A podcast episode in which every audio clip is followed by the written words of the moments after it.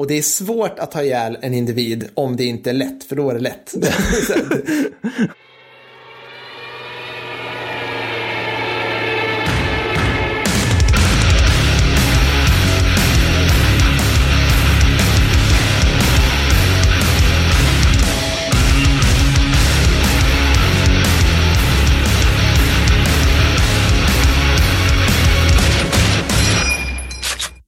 Angard, kära lyssnare och välkomna till Historiepodden. Eh, och varför introducerar jag oss så här töntigt, Mattis? Eh, kan du beskriva det, varför jag gör det? Jo, jo, vi ska idag, hej förresten, Hej. Eh, vi ska prata om eh, blankvapenstrid idag. Detta är korrekt. Och det, det, det vi menar då är väl framförallt svärd och knivar då, för att det låter coolt med blankvapen, men det är väl det vi menar. Ja, jag tror det. För att vi kan typ inte namnet på typ så här... Ja, exakt. De vapnena. Så här, ja, men så här obskyra. men jag, jag tänker på alla de här, medeltida grejerna. Liksom, det är typ en pinne och sen är det en kedja och sen är det en, en, typ en klinga på den kedjan och en, en typ en... eh, alltså det finns ju... Och de heter någonting på typ så här norditaliensk dialekt. Ja, just det, där tror jag det händer med vapen och så. Man vet inte vad som är på riktigt och vad som inte är det. Nej. Allt är anime. Men innan vi tar tag i det här så... En fet shoutout till ingen mindre än Axel S i Västerås. Han, du Axel, du ska ju gifta dig i sommar med din underbara fest med Julia och eh, det här kommer från en av dina marskalkar. Och eh, jag tycker fortfarande så här, gift er nu, ändra vart ni än ska gifta er, gift er på en öppen äng så att din marskalk kan bli en fältmarskalk. You heard it, du får skratta. Varsågod.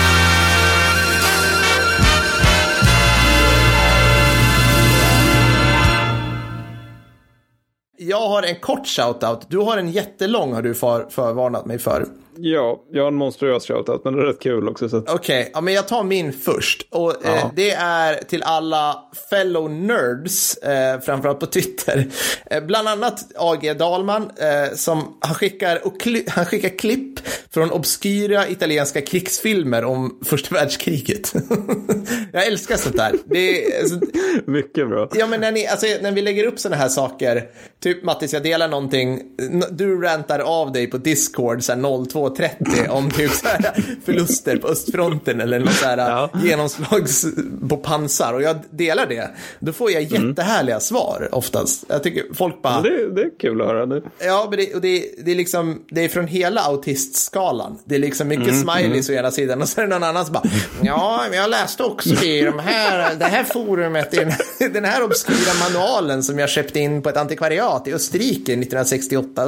Så här. Alltså det är högt och lågt. Men, jag men, hade, hade jag inte först, har jag missuppfattat det hela att det här med Mattis läser börjar bli en grej på vår Twitter? För jag brukar ju mest dela med mig av det jag läser som är sådana obscena saker i stil med så här heavy jagdpansas och eh, liknande. Ovärderlig läsning för alla som vill förstå vad det egentligen innebär att vara människa. Ja, men, ja, men det, jag, jag delar det hela tiden för att vi måste ju, folk frågar ju oss lite grann, eller inte lite grann, de frågar ju så här läslistor och hur vi tar till det. Jag menar, det de inte har förstått att du läser ju seriös militär eh, litteratur. Jag läser Batman-serietidningar och ibland någon artikel på Wikipedia för att liksom inte vara totalt oförberedd på de här inspelningarna. Så att, så att det är ju så här härligt tycker jag. jag. Då passar jag på Ja, att ja, skicka men ut det här för att bygga illusionen av att vi som ett team är pålästa. Inte bara du. Och lik förbannat så är det alltid du som framstår som du är påläst. Och Ja. så, medan jag sitter och sluddrar och stakar mig. Ja, nej, men hur var det med det här nu? Ja. Så kan det ju vara. Det är väldigt bra. Ja, nej, men min, min shoutout, nu måste jag ta och gräva fram det på mobilen, men det är från Peter. Jag tänker inte säga efternamn, för att jag vet inte om Peter vet detta, men jag tror faktiskt han vill vara anonym i det här fallet. Det är Hej och tack hjärta! Vilken fantastisk podd ni gör. För ett par veckor sedan upptäckte jag er och har sedan dess knarkat er podd i tid och otid. Jag har tvingat barnen att lyssna och lära sig om värdelösa vapen under en bilresa. Det visade konstigt nog måttligt intresse. Jag arbetar som lokförare, jag är anställd av SJ och ett resandeutbyte på en station i Västsverige höll på att bli utebli då jag i en skrattattack högst, tro, högst troligt ins- Konrad-inspirerad glömde av att bromsa ordentligt i tid inför plattformarna. Jag hann som tur var rädda upp detta genom att tvärnita mig in till plattform. Inte så snyggt, men det blev ett tidseffektivt stopp. Jag tänkte inte inte som andra döpa familjemedlemmar efter er, men funderar på att börja kalla katterna för Konrad och Ernst. Så denna äldre alltid, den äldre alltid är lite mesig och håller sig i bakgrunden. Men den yngre är lite mer framfusig och vild. Min baktanke med detta är att min sambo kommer avsky att hennes pälsklingar kallas okända namn. Jag kommer då bli utskickad i garaget där jag sitter nu. Där jag kan knarka ännu mer krigshistoriepodden och skriva långa beundrarbrev. Tänk att VK1 kunde vara så intressant. I min värld är det något som man, vet, som man vet alltid funnits där. Men jag har aldrig riktigt förstått hur det funkade. Ungefär som händelser på Instagram innan man fattade vad det skulle vara bra för. Det var, eh, ja, det var Peter. Tack Peter. Så det här innebär att vi bidrar till SJ. Att, att, det, det inte allt, att det ibland lämnar lite att önska. Krigshistoriepodden har en del i det, liksom att ja. förstöra Sveriges logistik. Ja, men jag älskar det. Och speciellt tåg plus VK1 är ju lika med humor. I princip i alla led ja, här liksom. Ja, ja, så du är helt rätt ute Peter. Tack så hemskt mycket. Ja, tack så hemskt mycket Peter. Men det där är någonting jag tänkt på lite grann. Eh, bara snabbt steg på men, men det är att eh, det är rätt många som hört av sig och varit snälla och tyckt att vi gör en bra podd och sådär. Och tack för det, mm, jättesnällt. Mm. Eh, men som tyckt att vi också är lite speciella med att vi, vi betonar första världskriget. Eller lite mm. många som har uttryckt det som så, att vi har fokus på första världskriget. Mm. Alltså när jag har kollat igenom vårt, vi har en lista liksom för vilka avsnitt vi har gjort enligt vilka teman och sådär. Jag tror det är tre avsnitt totalis som är helt och hållet om första världskriget. Mm. Men det, mm. det, säger ja. nog, ja. det säger nog en hel del om hur otroligt lite man pratar, skriver och tänker om första världskriget. Eftersom tre då kan bli en fokus. Ja, det är sant. Att det känns överväldigande överväldigande mycket. Du vet, det här ja. världskriget, Mattis. Ett av två ja. fucking världskrig. Att det känns, känns det lite mycket? Nej men vad synd. Låt oss backa och prata menar, om typ det, så här. Det, säger nog någonting om att, men det säger nog någonting om att det, första världskriget ofta är lite bortglömt. Liksom. Att, mm. man, att om man överhuvudtaget pratar om det så blir det liksom någonting som har, har blivit en, en grej vi gör tydligen. Ja, och jag, jag tycker ju alltså jag tycker tvärtom att vi har pratat för lite om första världskriget med tanke på att vad var det som jag, jag sa, sa till min farbror här, han bara, du, har du lyssnat på oss sen liksom? För jag tycker liksom, du skulle nog kunna gilla det. Han bara, mm, mm. pratar ni enbart om andra världskriget eller? För att han har sådär, du vet, förläst sig på allt om Hitler och mm. populär Hitler och allt det här. Och jag bara, nej, nej, det tror jag inte. Och så börjar jag tänka tillbaka hur ofta jag liksom nämner så här medeltung bandmatad kulspruta G34 och du vet, och liksom, alltså att du, vi, ja, men typ, vi kommer ju ofta in på typ östfronten tycker jag. Mm. Liksom. Kanske för ofta, eller liksom vi tappar, jag vet, jag vet inte. Det lustiga är att vi aldrig haft ett helt avsnitt om östfronten. Nej. Jag är inte sugen på att ha, eller fel, Stalingrad, första avsnittet. Ja, men, det. Mm. men det var också första, sen i övrigt har vi nämnt det och haft det som exempel, men aldrig, aldrig varit där uteslutande. Jag tänker att vi skulle kunna göra någonting om typ slaget om Moskva någon gång. Ja, absolut. Det skulle vara kul faktiskt. Ja, nej men så att, kul att höra att folk tycker att det är för mycket. Det kommer mer vecko ett. Eh, ja in a moment höll jag på att säga. Men äh, ja. Ja, men det kan vi ju säga. Vi har ju mm. spelat in, alltså det är faktiskt inspelat ja. nu det här, här är jösses-grejen, ja. hela första världskriget i en podd. Men det ska klippas också och det kommer att ta ja. sin lilla tid. Men, ja. men alltså, det, det, alltså, för den som undrar, det var alltså ett stretch goal vi hade på vår Patreon bli gärna Patreon, bli vår arbetsgivare etc. Ja. Men det är nu nästan uppfyllt. Det ska bara ja. klippas. Men det är alltså 6-7 timmar långt. Ja. Så det kommer ta en stund. Ja, alltså när ni liksom kokar två kannor eh, kaffe innan ni sätter er ner. Bered er på att ert förhållande kommer hinna upplösas under tiden ni lyssnar på podden etc. etc. Det är liksom förbered allt det där. Framtidsfullmakt och allt sånt. Ja. Okej, okay, vi ska prata om blankvapen och jag vill bara säga så här att det här är ju, jag och Mattis brukar säga så här att vi kallar de här för våra sladdriga avsnitt där vi liksom mer driver en tes. Så, ja. så förlåt till att börja med, men jag tänker börja nu Mattis ja, eh, med, med, att prata om ett krig faktiskt. Mm. För att mm. det, vi heter ju ändå Krigsstorypodden. Jag mm. tänker berätta för dig om Gombe schimpanskrig. The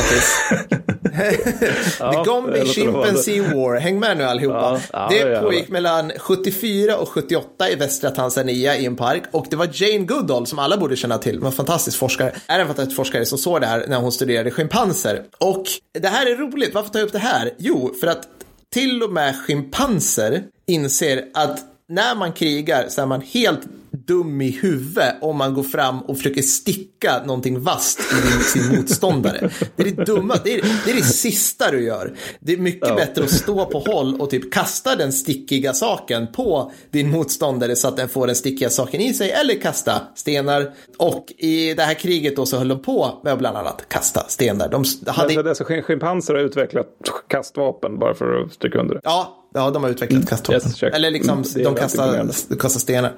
Vem vann? Det gjorde Katame-stammen eller något så här, Katame-gruppen, det är lite ja. oklart. Det Ja. roliga med att läsa om det här kriget är att det är fruktansvärt för övrigt. Alltså schimpanser, vilka jävla, det, är- ja men det är vilda djur liksom. De, Ja, men de är ja. bastards verkligen. Ja. De är verkligen basis. Men att alla, Jane Goodall hade ju döpt alla. Så att de hade, de hade roliga namn som hette såhär Willy Willy och typ Mr Herman. Nej men jag vet inte, nu hittar jag på. Men, ja men de hade ju såhär gu, alltså, gulliga husdjursnamn. Så bara Willy Willy tear, tear the arm off bla bla bla and stuffed it in his mouth and then he...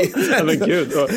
så, så det jävla ja, blodtörstiga Ja. schimpanser. Men innan det så trodde man ju att eh, schimpanser inte krigade. Just det. Men, men det var Jane Goodall hon blev väl accepterad som en, den sämsta schimpansen i en flock. Va? Så de jobbade i flera år för att bli liksom den med lägst rang. Eller någonting. De accepterade det ända tills någon, liksom det kom en ny alfa som konstaterade att det här är ingen schimpans. Och så blev hon utmobbad eller något sånt där. Var det så alltså? Ja, det, Ja, det vet- jag, tror ja jag. det kan jag tänka mig. Hon bodde med apor. Ja, precis. Ja, herregud. Ja, så att alltså, nu, nu skjuter jag hela tesen i sank, det här med blankvapen. Mm. Och det är helt enkelt det att ingen, ingen vill använda blankvapen om man kan undvika det. Nej, men alltså precis. Och det, det, som, det som är på något sätt lite tesen i den här podden är ju, vi kommer få hema folket på oss för Ja, den här för ja. attack. Men, men, men det som är tesen i den här podden är väl lite grann på något sätt att filmer och tv-spel och mycket hur man tänker sig framförallt äldre tiders krig ofta illustrerar det hela lite fel. Liksom. För att alltså, man, man, man tänker sig ett medeltida slag, då tror jag att rätt många tänker sig att det är Braveheart. Och Braveheart, dokumentären av Mm. Ja, Mel Gibson, där Ja. skottarna springer runt i kiltar från en senare tid och i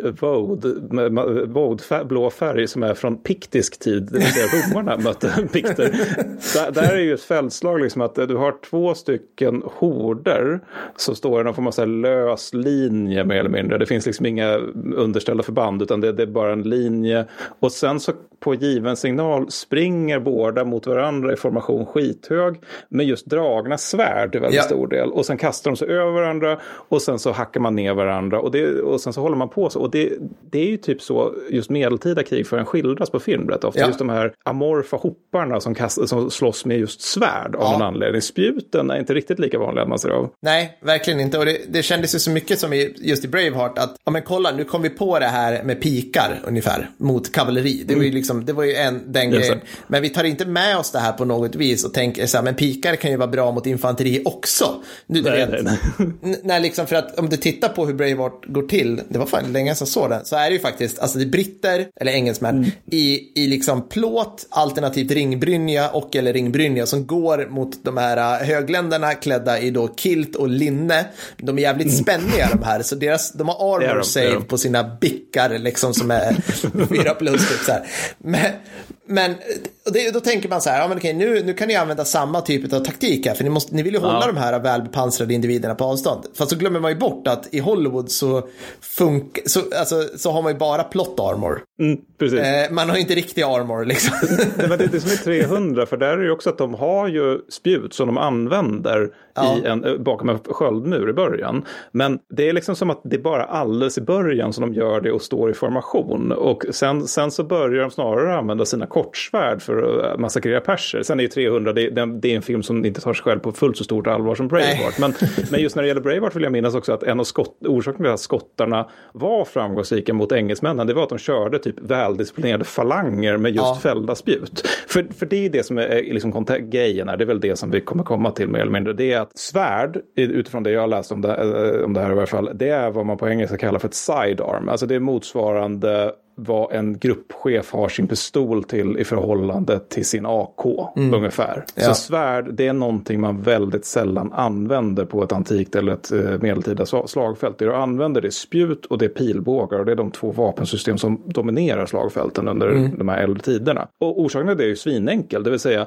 ett, de här två grejerna, spjut och pilbågar, de är lätta att tillverka.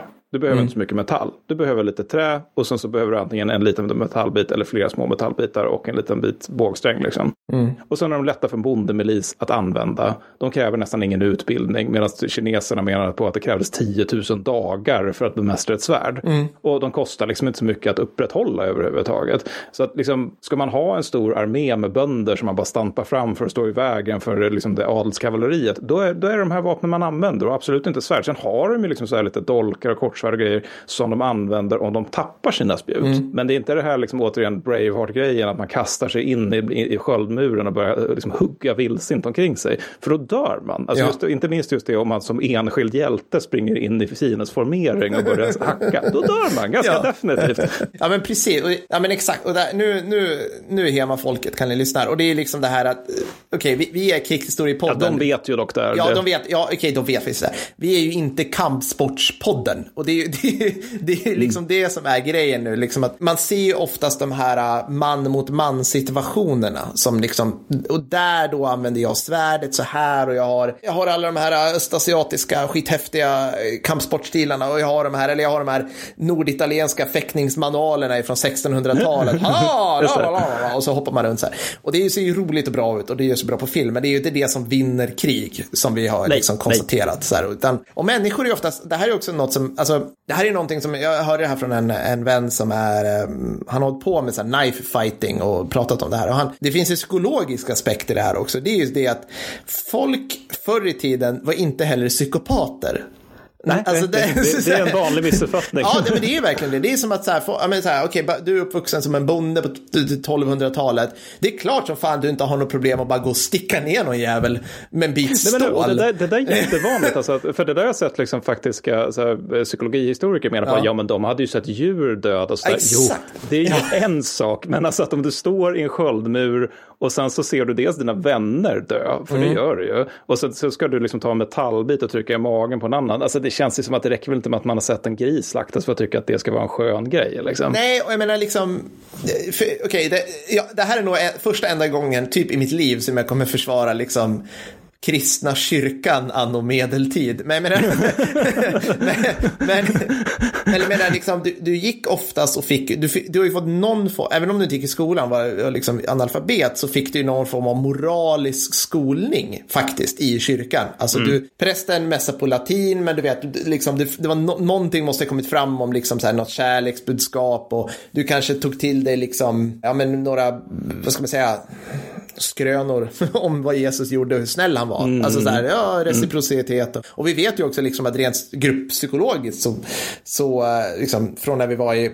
apstadiet och framåt så är det ju det här med att, att ge och ge tillbaka är jävligt viktigt. Liksom. Så du bygger, mm. du, liksom, du tjänar på det som individ och grupp. Så att, så att, att och det kommer fram till det här att man vill inte sticka någon med, med, med liksom en kniv. Och anledningen till att min polare berättade det här, det var ju inte liksom kanske så här, vi pratar inte om historien, men utan det var det här så här, Mattis, om, om, du, om någon kommer in och bryter sig in i ditt hem med din familj, mm. du kommer ja. fortfarande tycka det är jobbigt att sticka en kniv i någon. Det, det skulle förmodligen tvekas lite grann då. Ja. Tvekas lite alltså, grann. Jag, jag, jag, jag, tänker så här, att om man ska vara lite allvar, jag tänker att scenen som skulle utspela sig är väl liksom att man skulle stå med kniven framför sig mer för att liksom värna sig och sen ja. hoppas på att det här liksom ska gå över, att den andra ska gå sin väg. Så inte att man liksom skulle bara nu jävlar, nu har jag en förskärare här. Nej, men liksom att man tänker sig att, så här, om man hör någon smyga, man gömmer sig bakom ett hörn och sen kommer man förbi och man bara känkar den där jäveln, så att blodet sprutar. Man, man, man, ja, kanske, man då, tänker sig... Då har man nog fler problem än att man har en inbrottstjuv skulle jag säga. Ja, men,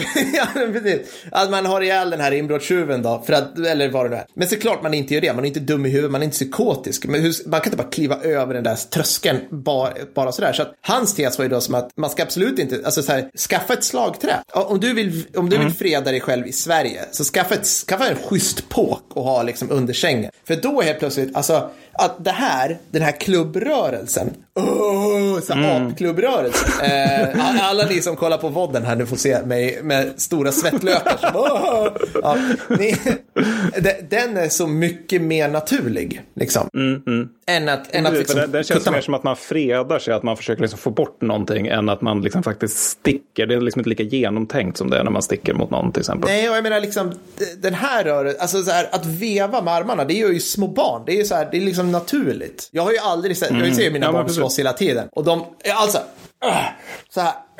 De är ju aldrig någon som kommer och bara smack! Alltså så, värsta jabben. Liksom, så här. Handkantslag perfekt bakom örat som de nej, men, nej, det är inget sånt där. Ingen stryper ut någon. Liksom, Återgår till le- legot liksom. så, att, eh, så då tycker jag, då vill jag bara säga det, liksom, att därför såklart så var det ju liksom rimligare på något vis att, att liksom, ja, men klubbor var ju första vapnet och sen liksom kom det skarpa Ja, grejer, så yxa är inte så dumt liksom och sådana där saker. Nej men då, där tänker jag väl också en fördel för, om, om du ska strida med spjut. Alltså, om man, det, det, är ju som sagt ett vapen som är ganska lätt att använda. Som det du behöva säga till bondemilisen som du stampat fram på 600-talets början. Ja. Egenskap av adelsman, det vill säga en av de som faktiskt har svärd i strid. Det är ju att du säger åt dem att stå där, håll upp skölden framför dig och sen håll spjutet framför dig. Och sen så om ni har liksom lite mer eh, utbildade än bara bondemilis då kan ni liksom trippa runt lite grann på slagfältet och hålla formation och sådär. Men just det där med att du bara behöver stå och ta emot fienden är ju förmodligen psykologiskt bra också. Alltså Ja. att du, du behöver inte göra så mycket för att ta död på honom. Eller liksom, han behöver springa in i ditt spjut. Mm. Och sen måste du kanske sikta lite grann med det också. Men det är inte, det där, det är inte den där avsiktliga stickrörelsen. Och alltså, några som däremot är ett undantag, och det är väl egentligen det stora viktiga undantaget, det är romarna. Mm. Ja, för ja. Alltså, när typ alla medeltidsarméer fram till ja, 1200-talet utan problem strider framförallt med spjut och bågar så är det ju att romarna de strider ju faktiskt med svärd. Mm. Efter ett tag, för innan det så stred de med, alltså under sin tidiga historia, de skrev de, stred de med något som heter hasta. Har du hört talas om det? Nej, vad är det för något? Hasta, det är därav hastati. Alltså det är två Aha. meter långt spjut av askträ. De, Ah, okej. de var ju hopoliter mer eller mindre i början. Ja. Och sen hittar de Gladius Hispanica då som de piratkopierar och eh, använder istället. Men lite lustigt med det i sin tur att det är ju också ett stötsvärd så att de använder det typ som Zulukrigen använder sina just spjut. Alltså Ja. man stöter med dem. Och orsak till att de gör det, det är ju att stick ger mycket jävligare sår än hugg. Eh, och också att det är praktiskt när man ska slåss i tajta formationer. Sådär. Men det man ska ta, notera också är att Rom är, är ju till skillnad från liksom, senare tiders bondemiliser och sånt där. Och jag menar, professionella arméer och återuppstår ju mer eller mindre förrän typ 14-1500-tal där någonstans. Nej. Det är just en professionell armé. De har tid att se till att ja, men infanteriet ska nu lära sig bli duktiga med sina kortsvärd. Liksom, Ja. Vilket liksom inte var fallet under framförallt tidig och högmedeltiden. För att då, då, då var det ju inte infanteri som dominerade slagfältet på Nej. samma sätt som det var i Rom. Och sen ska vi också... Men jag menar, alltså att det är just jag, vet, jag tänkte haka på det där och säga liksom också att okej, så, men, så att inte någon sitter där ute och säger, ja men okej, så, så den enskilde romerska soldaten, han kunde fäktas? Nej, nej, okej, alltså ja, i, viss, i viss utsträckning säkert någon form av självförsvar, alltså vissa rörelser och sådana här saker, men, men framför Mm. allt var det ju tanken, och nu, nu, nu blir det bra podd här, för nu ska jag försöka visa med mina händer hur det gick till, eller hur te, tesen, man är inte undra på det. Men Matti, som du och jag står liksom bredvid varandra, jag står på din vänstra sida och du står på min högra sida. Då har jag mitt stora, min stora jävla sköld, vad heter den nu? Ple... Nej, inte plenum va? Nej. Skrotum tror jag. Skrotum. Skrotum det. Roligt ord. Eh, och det, det, jag ska, det som händer då är att min sköld överlappar ditt, hö, ditt vänstra ben lite grann. Om jag har förstått det här rätt. Så att jag skyddar dig liksom. Precis som att snubben till vänster om mig skyddar mig då. Det som finns möjlighet då det är att du, säg, du tänker att vi har, var, vi har varsin galen eh, german som typ i, iklädd djurhudar och med en stenyxa försöker slå sig igenom där. Vi står där, "Åh, shit, det här blir jobbigt. Vi vill inte ha dem sådär, sådär länge för till slut kommer vi få in en lucky strike någonstans liksom. Det jag gör då är att jag vinklar ut min sköld lite grann och då ser jag låret på germanen som försöker ge sig på dig och med min glada bara pff, så sticker jag till den även Ja. i hans lår. Just det. Det som händer då är att han faller ihop. Det som händer då det är att du lyfter din sköld lite grann och sen bara pff, i halsen på honom. Alternativt Ja, att ja. Han, bara, han, han drar sig bakåt, han är skadad. Alltså, Ja, ja och det, det, det är ganska vanligt när man läser om alltså, romerska historiker när de som omväxling skulle beskriver liksom just germaner och gallerstrider. För de, de beskriver ju ofta det här med hur de kommer som en stor skrikande hop liksom, som är väldigt läskig när man tar emot den på sköldarna. Liksom. Men att det är en hop som blir trött väldigt snabbt. Och då är det ju ofta det här just att de blir skadade och börjar linka bakåt. Och sen rätt snabbt så tröttar de ut sig och sen så börjar de, när de blir trötta så börjar de liksom gå i legionären fortfarande framåt för de är utvilade. Eftersom de har det här liksom att de byter av varandra hela tiden. Och sen så går de fram framåt och då springer ger de fienden och det är när de springer som den här stora massakern inleds. Det, är- det, det, liksom, det är då som förlusterna verkligen drabbar fienden. För det, det där är ju också någonting som är ganska vanligt just när man tar, jag återgår hela tiden till filmer, men jag tycker det är ganska tacksamt för att liksom illustrera hur tror att många tänker sig ett medeltida eller antikt slag. Just det här med att man har två sidor som kolliderar med varandra. De utför majoriteten av stridandet med svärd. Det är liksom inga formationer utan det är bara en stor liksom ormgrupp av folk som håller på att hacka på varandra. Och sen så är det liksom slaget färdigt när det bara ligger en matta matta av stupade Ja. på marken och liksom de sista, men säg Braveheart, de sista skottarna håller på att hacka ner de sista engelsmännen liksom så här, helt utmattade. Och det händer ju aldrig. Alltså Nej. eftersom människor när de blir rädda springer sin väg. Det gäller Ja. även i moderna krig. Alltså, så att, liksom det som hände snarare var att man stod och buffade på varandra och sen efter ett tag så bryter den ena och när den ena bryter och den andra följer efter det är då de stora förlusterna kommer. Ja. Alltså grekiska, eh, alltså under antiken, grekiska slag på den tiden mellan falanger, det var ju som moderna sjöslag, det vill säga den vinnande sidan förlorar ganska lite för att det är bara så, alltså, sårade och stupade i den där första konfrontationen medan den förlorande sidan det är liksom så förintande förluster för att de, de, just blir nersprungna. Det är typ det som händer med maraton till exempel. Ja men precis, och, menar, och där har ju liksom, där har ju kavalleriets roll alltid funnits. Det är att rida ner, alltså rida ner flyende förband. Eller vad ska man säga? Ja, men det var typ det som var romerska kavalleriets Ja. uppgift. Att, alltså, I övrigt så är deras uppgift alltid att liksom förlora på flankerna och sen låta legionärerna segra i slaget. Det är liksom det första som händer i alla fram- framgångsrika romerska slag. Vilket jag tror jag Där, tagit där tidigare. återigen, Total War, det totala eh, krigssimulatorn.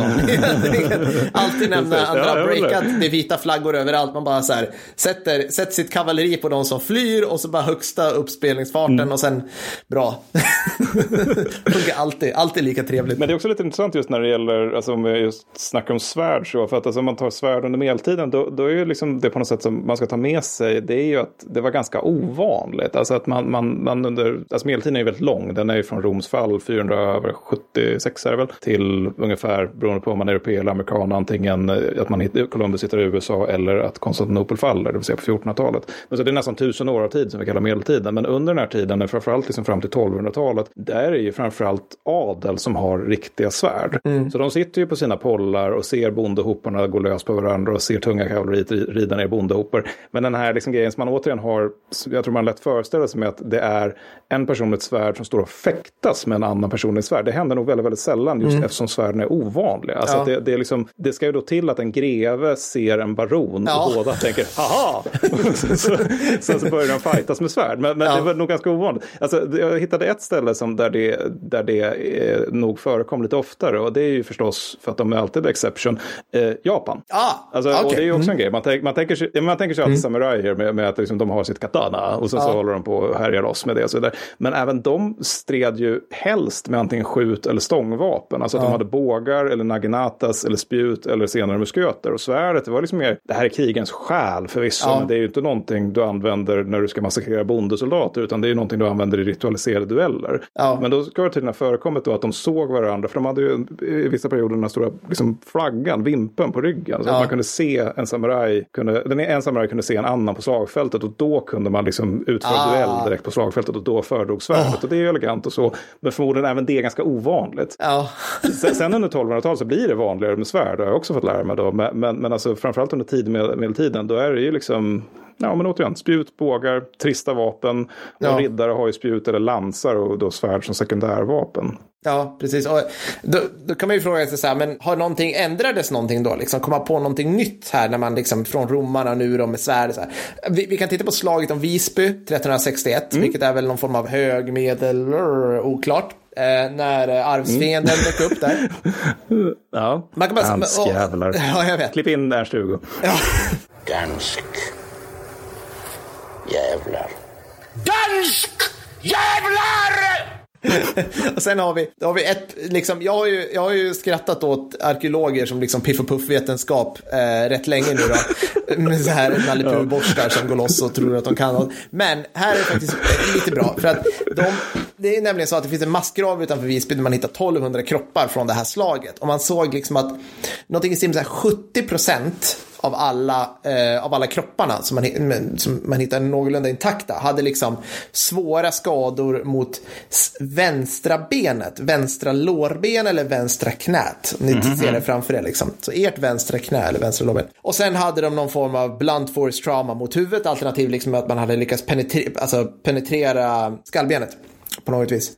Och då, var man liksom, då har man kommit fram till att sättet om man då hade ihjäl folk var just att man på något vis först och främst var tvungen, alltså för, för, för, för att ha ihjäl en individ. Och det är svårt att ha ihjäl en individ om det inte är lätt, för då är det lätt.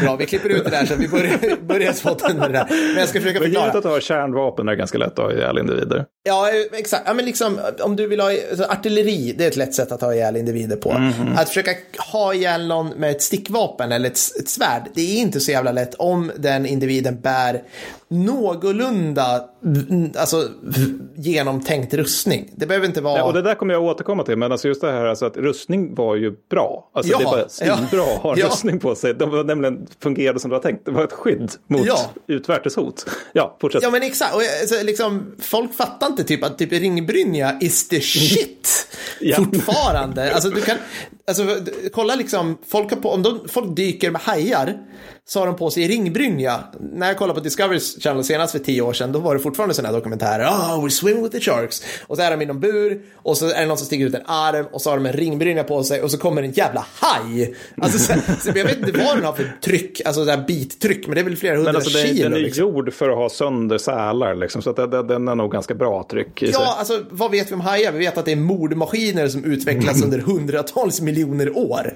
Alltså de är förmodligen svinfarliga. Men den här jävla typ så här 25-åriga modellen som får ställa upp i det här, hon bara sticker ut den. Och den biter i det och hon bara, äh, det var lite jobbigt för att, för att du kan inte penetrera ringbrynja. Det liksom, Nej, men alltså, jag, jag, vet att jag läst någon gång om korstågen, alltså, du minns inte om det är kanske tredje korståget eller om det andra, där det är liksom, eh, kristna riddare då, som kommer, kommer i rustning som blir beskjutna av, eh, av eh, muslimska kavallerister då, som sitter med sina komposit, eller det, det är inte kompositbågar, de har med sina pilbågar. Då. Och då beskriver krönikören, som jag vill minnas är muslim också, han beskriver hur liksom, riddarna mer eller mindre ser ut som igelkottar, för det liksom bara hänger pilar från dem. Ja. Men de har inte dött. Nej. Utan de har ju tagit emot all den här skiten men de har inte dött. Nej. Och sen så är det tråkigt att pilarna tog slut men riddarna fanns kvar. Ja, exakt. För det, det, är liksom, det är som att vi tror att, det är återigen Hollywoods fel det här, att rustningar inte har någon liksom, funktion i övrigt än att mm. tynga ner individen eller något, jag vet inte.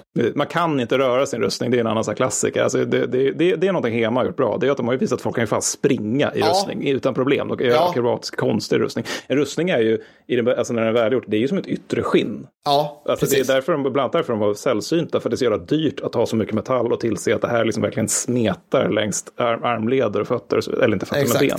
Exakt, Nej, det är precis. Så att okej, okay, det är svårt att ta ihjäl en människa och det är lätt samtidigt. Vi ska försöka, jag ska försöka bena ut det här, det här träsket jag satt mig eh, Vad var jag? Jo, okej, okay. så att det är svårt att ta ihjäl en människa som bär någorlunda rustning. Och det här har man märkt då, då för att som vi sa nu med ringbrynja till exempel, det är svårt att ta sig igenom. Har den här personen ett harnesk, glöm det. Oftast har folk liksom kanske en krage eller liknande, eller bara, ja, men bara mm. ringbrynja. Så att, men det är nästan bara liksom, nu snackar vi adelsmän och mera som har liksom kanske ringbrynja som går ner över knäna eller eh, liksom någon form av metall på knäna eller skydd eller till och med bara läder. Alltså många stred ju i, vad säger man, tunika med någonting på eller liksom mm, hosor. Mm, gambesoner finns något som heter och det, och det är ju typ alltså ett tjockt tyg som du virar in det och det ger ett visst skydd.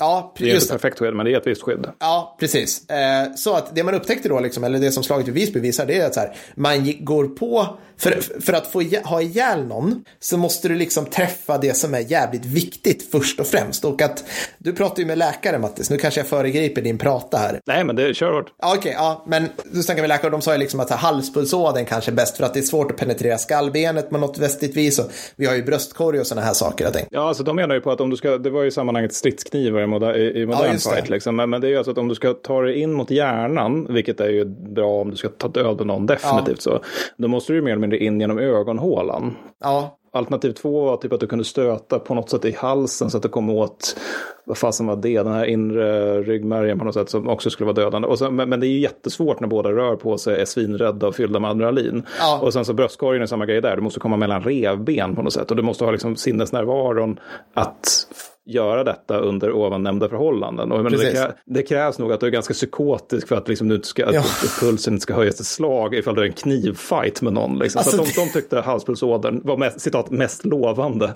Ja, tack läkare. Ja, men då måste vi ja. prata om det där på läkarlinjen. Alltså det är ju sånt, vad kan man annars prata ja, ja. om? Liksom? Jag skulle sätta snittet precis här. vad skulle du sätta? Ja, men jag skulle kanske... Alltså de, de gick igång på det alldeles mycket. ja, uh, ja, nej men det är roligt. Var var jag någonstans? Jo, så så att tesen var då att, att de som dog då under slaget i Visby, då hade någon jävel kommit och gett sig på deras knän alternativt lår. Gärna med någonting stort och hårt och som man kan svinga. För att, att sticka på ett lår Alltså på, på, en, på en motståndare som du har framför dig, liksom, det kan vara rätt svårt. Alltså prova gärna och försöka st- alltså, så här, peta på någons ben om de inte vill Ja. bli petade på och kan röra sig. Så då tesen Ja. att man hade liksom kanske längre yxor som heter någonting häftigt på latin som jag inte kommer ihåg och kunde träffa de här. Det som händer då, det är att man får jävligt ont i benet, man kanske Ja. blir av med benet. Man lägger sig ner och Ja. då helt plötsligt ligger personen stilla. Och då. Alltså, då kanske det är så här att den här yx, säger du, yx eller svärd eller vad det nu är, han går vidare och gör samma sak med nästa. Någon, hans polare kommer bakom honom. Och lite grann som typ, du vet när man, när man ska gräva i trädgården, att man liksom, Mm. man sätter ena foten och sen siktar man med kanske ett spett eller en spade och sen trycker Ja. man till på Ja. något mjukt. Så gjorde man för att ha ihjäl då Just de här. det. Jävla Eh, Eller liksom äckligt, tog en alltså, yxa och bara, där, vänta, nu, ligg still, där, vrider huvudet lite grann så här och så bara smack. Liksom. Så demobilisering, eller liksom immobilisera någon och sen splatta. Ja, Exakt. Det är riktigt äckligt, men det, Ja. låter rimligt att det var så Ja. det gick till. Nej, men för, för just det där med rustning tycker jag är intressant. För det, det är också en grej som, alltså det känns som att rustning väldigt sällan fyller en funktion. Det, det är lite grann som det här med murar i, i, i, i skildringar av medeltiden ofta. Det är Ja. skitsamma om det är Game of Thrones eller om det är eh, liksom någon, någonting om den faktiska medeltiden. Ja. Murar är någonting ingen i Västerås någonsin har byggt och förstått varför. Eftersom alla i Västerås använder murar som en backdrop för att Ja. de ska kunna se, se episka och fierce ut framför muren. Ja, ja, Inte ja. så att man står och på och Nej, nej. svider utifrån muren. Utan nej, nej, nej. Och, sen, och det är också en grej. Jag tror fan aldrig jag sett någon film, alltså kanske någon, men det är väldigt, väldigt sällan på film som man ser någon bygga en vallgrav. Nej, just det. Utan det Nej. är liksom mur och gräs. Och då, då undrar jag varför har ni Just inte det. gjort detta? Eftersom då är det ju mycket lättare för fienden att komma fram med stormstegar och murräckor. Ja, just det. Jo, men det är för att manusförfattaren tycker att det är coolt med stormstegar. Och det blir Just svårt det. att ha sådana om det finns en vallgrav. Det vill säga det enklaste och äldsta sättet du kan fortifikera. Det är liksom stenåldersmänniskor Ja. grävde vallgravar för att skydda sig. Men, men oavsett, jag skulle komma till rustningar. Ja. Att rustningar det är någonting som ganska ofta, givet att det, alltså utöver plot armor så har- fyller rustningar sällan någon större funktion sådär, utan det är mest en sån här dyrt, tung skit som folk Mm, mm. envisas med att släppa med sig ut i strid. Då. Men någonting du absolut inte gör under blankvapenstrid på medeltiden, det är till exempel som man kan se i filmen Ironclad som är ganska kass, att man klyver en man från topp till tå, tå med rust, som Nej. han är iförd full, full rustning. För det gör man inte, alltså det Nej. går inte, det är fysiskt omöjligt. Du kan vara hur jävla stark du vill, men du kommer snarare sönder ditt svärd. Någonting annat man inte gör det är, minns du den där scenen i Game of Thrones när den rullstolsbundne pojken ser tillbaks till det där tornet där, hans, där Jon Snows föräldrar var, eller hur det var.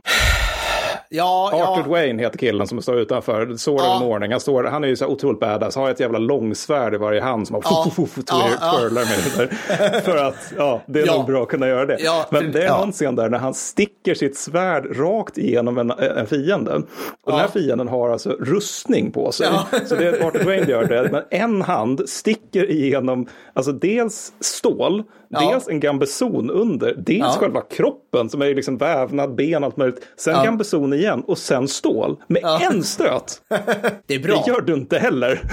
Nej, Jävla bra stöt. Industrirobot-stöt skulle jag Det är säga. ju verkligen det.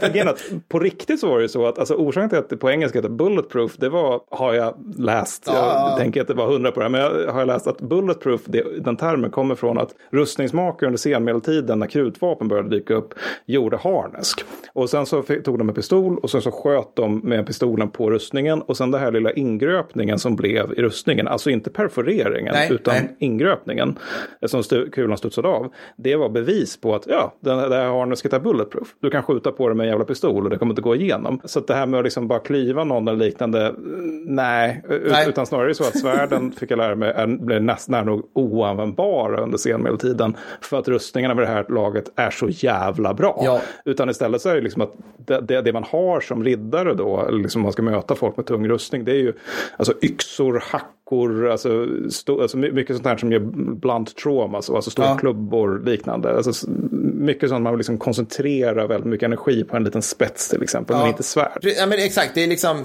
den tidens, det är lite den, den tidens RSV på något vis. Liksom. Och det, Ja, ja, det var precis. också det som var tanken liksom, när, när riddarna utvecklades, när de fick, liksom, eller de, de hade ju det ett tag, men de hade stirrups. Nu tappar jag ordet igen, Mattis. Mm. Stigbyglar. Eh, Stigbyglar, tack. Stigbyglar och höga sadlar och skit. Och att de kunde liksom komma med sin, sin jävla lans på en häst och sig själva på 100 kilo och träffa med den där spetsen. Då var det Mm. bara smack. Då stod ju ingen upp efter det liksom.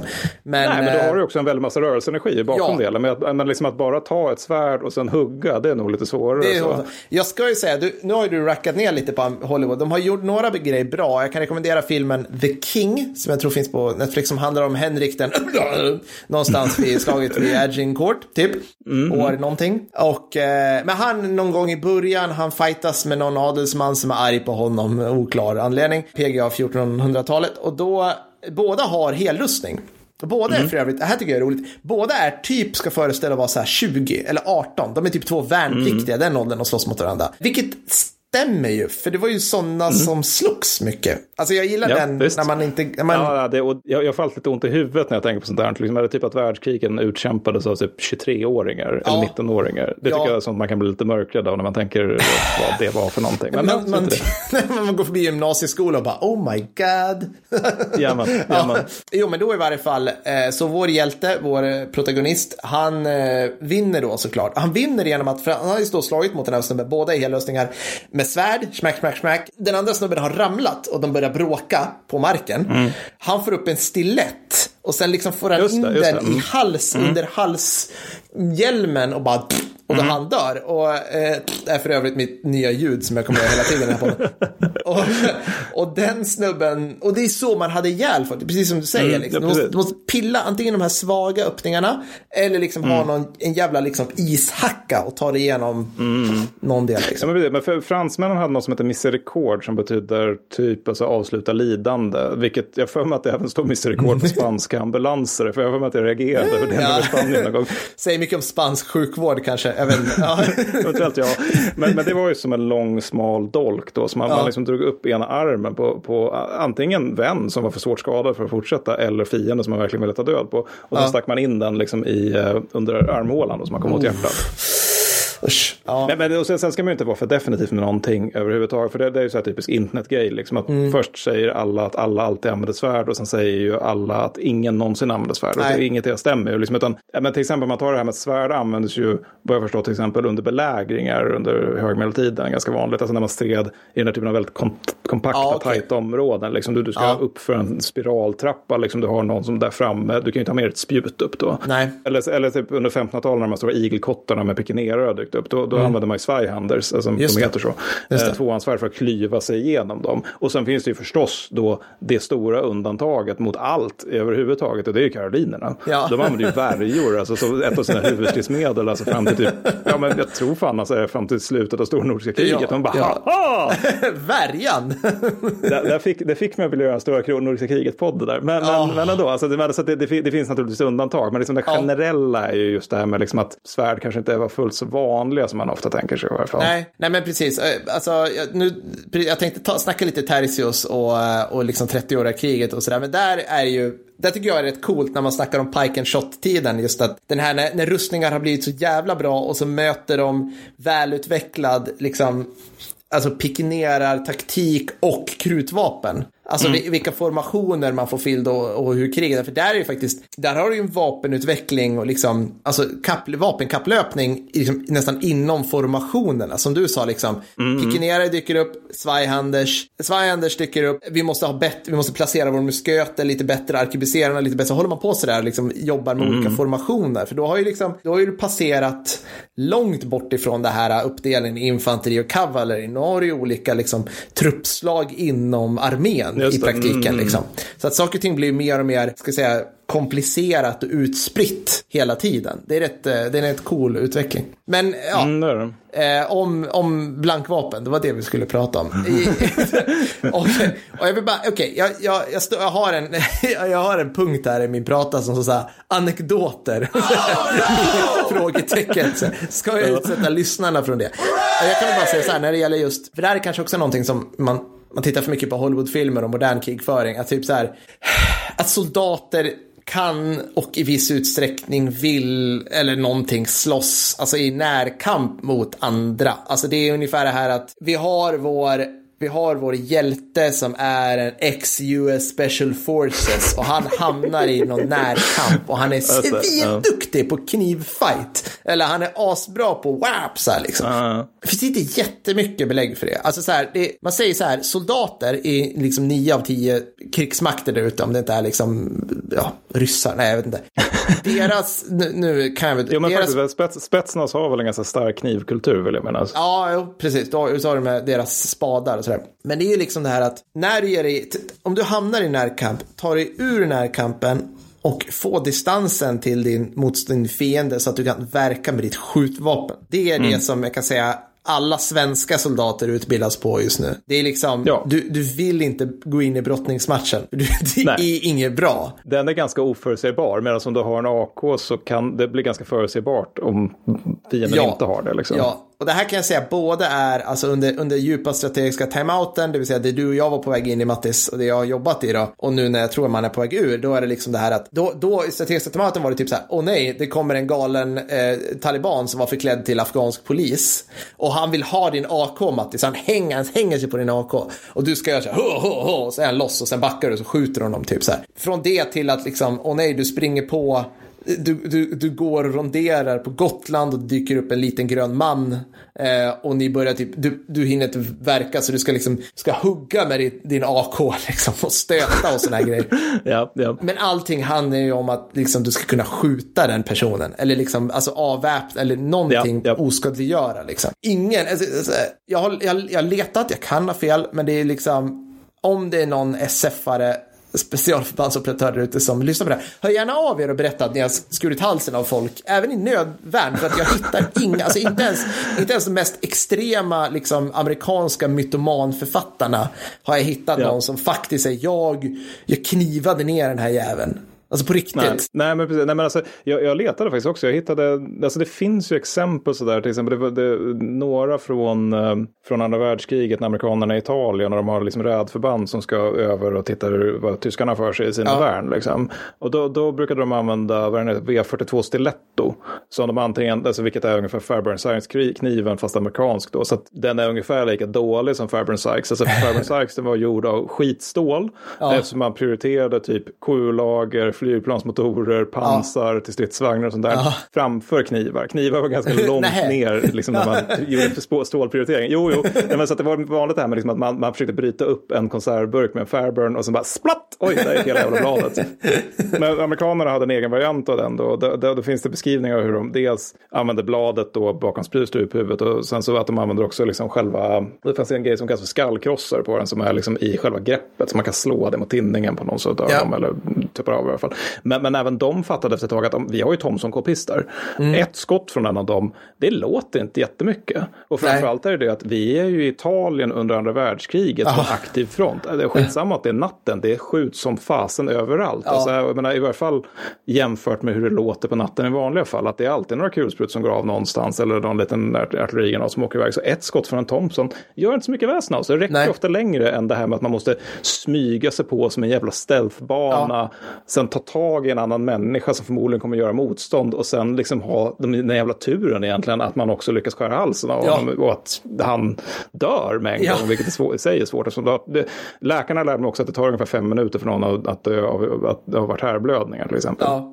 Nej men exakt, det, det, det är så dumt. Jag hittade någon grej från Vietnam också där det var någon så här eh, jättekombat kompani som, som typ jag tror 67 skulle, ja, de såg någon Vietkong i bussen liksom. Och så tyckte de att vi måste ta ut honom och då är det någon kille som anmäler som frivillig och typ frågar löjtnanten kan jag få kniva honom? Men det är ju mer så här utslag av så här macho bullshit och Ja, ja. löjtnanten var lite så här det här liksom sätter hela operationen i fara. Men, men visst, you go. Alltså det, men det, var, Ja. det var ju bara ett psykfall som behövde komma loss lite. Ja. De, de ska också ha sin plats här i kriget liksom. Yes, jag fick ut en kniv. Wow. Jag menar, har folk, alltså så här, okej, vi kan prata om bajonetter också, men menar, har folk någon aning om vilken skada som ett pipstöt från en AK kan göra? Det tvivlar jag starkt på. jätteont! Alltså, Jesus Christ, det knäcker alla ben. Alltså, jag är liksom... Men just när det gäller bajonetter, alltså jag, till skillnad från dig, du har ju utbytt olika vargliknande leenden under sköldmuren i Afghanistan. Ja, ja, säga att du har givetvis. riktig soldat. Medan Ja. jag har ju däremot genomgått värnplikt, vilket är inte riktigt lika kombat. Men, men alltså, jag gjorde det ändå på stadsskyttekompaniet på Livgardet. Vi skulle vara specialister på stridig bebyggelse. Vad är stridig bebyggelse i praktiken, Per? Eh, att typ kasta in handgranater i rum och rensa, eller ja, Ja, men, även liksom strid på mycket korta avstånd skulle man ja, kunna säga. ja, ja, du menar så, ja, det stämmer. Mm. Ja, och då, då, det var därför just då det vi hade var våra AK, vi hade vår KSB, vi hade vår GRG, vi hade farbarna och hela deras Lattjo låda med liksom så ensam hemma-prylar som de skulle lägga ut för ryssarna. Då. Och så, så hade vi då det du nämnde, det vill säga infanteriets faktiska närstridsvapen i modernt krig, det vill säga Ja. handgranater. Det är jättemånga och jag hade Ja. jättelivat med dem. Sen så är ju då frågan, hade vi några knivar eller bajonetter? Ja, det hade vi när vi gick högvakt. I Ja. övrigt så var det så här, vi fick lära oss lite, lite kramaga så att vi kunde förstå att en tryckspark i bröstet gör att någon försvinner från mig, sen kan jag skjuta den människan. Ja, ja. Det, det var, för menar, trots att vi skulle strida på just korta avstånd så var det med just stålbitar som man ska trycka in i människor. Det var aldrig Ja. någonting som lades ett, eh, någon emfas på. Nej, nej, nej, alltså jag, jag har, har jag varit med om någonting någon gång där jag önskar att jag hade en kniv. Alltså så här, jag, jag, lä, jag läste, jag, jag läste svar då från, eh, från, det är framförallt amerikanska soldater som skriver så här, då var det en snubbe som skrev så här, ja, jag har dragit min kniv två gånger liksom i strid. Och det, en gång då var det så här en snubbe som, han, han ville absolut följa med in när jag skulle gå in genom en dörr, när jag skulle söka igenom ett hus. Och han verkade vara våld, våldsam. Och jag försökte visa Mm. på alla sätt hur han skulle, jag skulle gå därifrån. Jag ville liksom inte skjuta honom. Då drog jag min kniv och så körde jag in den i dörren. Så att den satte sig där och Alltså, så ja, stirrade jag mm. på honom. Och då fattade han vinkeln och gick därifrån. Mm. Och det var liksom en gång. Och sen var det någon annan gång där han liksom, han bara, jag, jag minns inte vad han gjorde liksom. Han tog upp den och ja, visade någonting. Men, men liksom, jag kan komma på en gång då jag var glad att ha ett sidovapen och det var bara i övning, obs. Men då var Mm. det liksom, vi, vi var i ett sådär närkampshus. Det här är någonting så, alltså det här är sån jävla strategiska timeouten-grej. Så det finns Ja. inte. Någon så här, scenario Mattis, är du med nu? Så här, vi har, Ja, gud, jag vilka är med, jag är med. fantasifulla plutoncheferna. Scenario, en av dina kollegor har tagits till fånga utav en terrorgrupp någonstans i det här huset. Du ska bryta dig in och få loss den. Myste när de la upp den alltså. Ja men ni har varit på social patrol i du du du, ja skitsamma. Och då fick man ju slåss då med folk i Redman suits. Eh, helt enkelt. Och då kom den här jävla Redman suitsen och jag hann liksom inte göra någon tryckspark eller något sådär. Och jag är inte jättestor så att han, han liksom la sig bara på mig. Alltså bara, så jag var liksom, jag var nedtryckt på marken. Jag hade liksom, jag hade AKn liksom, kom jag inte alls åt, det, som var en Nej. redgun. Sen hade jag, sen liksom, sen hade jag en fickkniv i fickan då, en sån fällkniv. Och den hade jag kunnat ta om jag inte hade Ja. haft en pistol som satt i ett hårdhölster på bröstet. För då kunde jag då fiktivt i det här fallet, för det var typ en redgun, också dra den och sen så här, säga att nu skjuter jag dig i sidan. Ja, för jag ja, kom inte ja. upp och det här ska man ju också veta liksom att moderna soldater väger, alltså man bär jävligt mycket av sin egen kroppsvikt. Om någon Mm. får omkull dig och sen lägger sig på dig, då är det jobbigt. alltså ett tycker jag problem. Nej. Men, men det är också kul då att du, du, du valde skjutvapnet även i den situationen Ja. framför bla- blankvapnet. Eftersom i ett modernt krig så, du, alltså, är att det kommer, innan någon hör av sig och säger ja men det var några britter som genomförde ett Ja, bajonettanfall ja, jag vet. Ja. på, i Afghanistan. Ja, absolut. Absolut, men det är lite av ett randfenomen. Och det handlar ju nog förmodligen om att det var en Fendrik som bara fick någonting kallt i blicken och bara, Ja. jag har chansen. Ja. Alltså jag får skrika fix bayonet. För det, det, det, så det, det händer liksom. Alltså, några exempel på när det hände är ju 1914 naturligtvis. Mm. För där, där hade man ju lyckats inbilla sig innan kriget, innan första världskrigets utbrott, att, att det, här, det här blir liksom ett krigsavgörande. Det här är liksom den krigsavgörande vapenplattformen, liksom, en fullkomlig bajonettkult liksom, Ja. i nästan alla länder. Så liksom fransmännen, de, den passar, bajonetten passar ju bra till, till deras, det man kallar för offensivens kult. Och, Mm. och då finns det exempel från när franska tredje kolonialdivisionen genomför under slaget Bara namnet där Mattis, alltså får mig att bara vilja bryta ut i marseljäsen. Tredje kolonialdivisionen.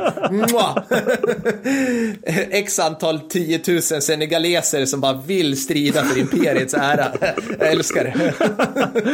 Jag tror det var morikaner, men ja, i alla fall, de genomför otaliga bajonettanfall på 500 meters bredd under slaget om gränserna. Jävlar. Resultatet Ja. av detta mot de tyska kulsprutorna, det är 11 000 förluster på en dag. Så så bra gick det med bajonettanfall. Ja. Sen så liksom från Österrike-Ungern, den favoritdubbelmonarkin, Mm. Ja. de trodde ju också på liksom att okej, vi har inget artilleri, men vi har bajonetter, så Mm. det borde väl lösa sig. Liksom. Så att, då finns det exempel från manöver de hade innan kriget, där det är så serbiska operatörer, eller inte operatörer, officerare, observatörer som får se, vara där och titta på då. Och de har ju just ut, utkämpat eh, Balkankrigen. Mm. Och de ser då de här liksom, regementena med österrikare som bara liksom springer omkring med sänkta bajonetter och bara skakar på huvudet. Så, ja, du, så där, så där mål, bra mål hade vi aldrig när vi slogs mot turkarna.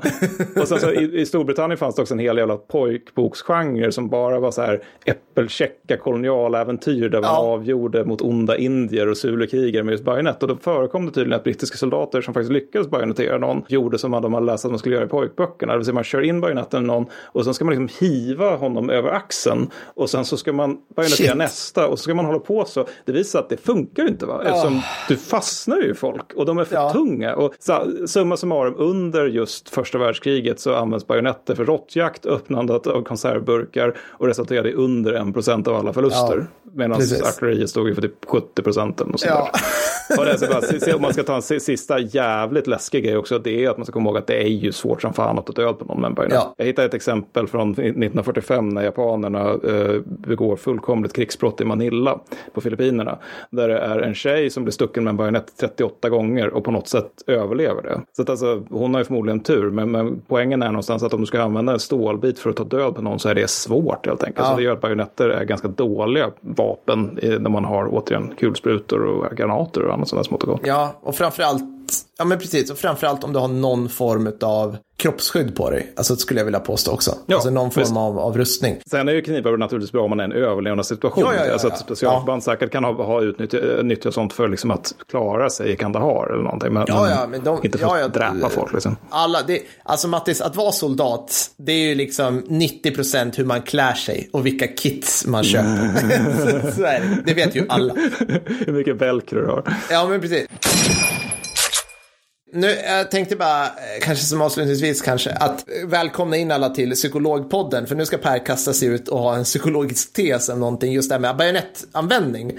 Alltså att att sätta på, jag kan tänka mig så här, att liksom som plutonchef beordra bajonett på i lägen. Jag tror då att Frankrike gjorde det någon gång under eh, i Kosovo på 90-talet. Och de här eh, britterna i Helmand. Det är lite grann så här att, att liksom runka upp stridskuken. Att så här, nu jävla grabbar är det på allvar. Alltså att, att, snä, att snärta till sig lite extra. Precis. Vilket is a thing. Jag menar, det vet du ju själv liksom, ja, i värnplikten liksom. Det kan vara svårt att liksom få folk att tagga till även om det är en stridsskjutning eller något sånt där. Liksom. Men att om man sätter på kallt stål så vet man att nu, nu, nu blev i en oerhört allvarlig stridssituation. Ja, nu nu precis. kommer det bli närgånget liksom. Sen kan Ja. man nog inte använda den. Men det, nej, men jag är med på hur du tänker. Ja, ja men det, det, det är bara, jag, jag vet inte. Ja, om det är någon, ni som har läst på Hjälteskolan Karlberg, hör av er gärna. När ni, alltså, alltså, var det under, under fem poäng heroiska kommandon som ni fick lära er att skrika bajonett på?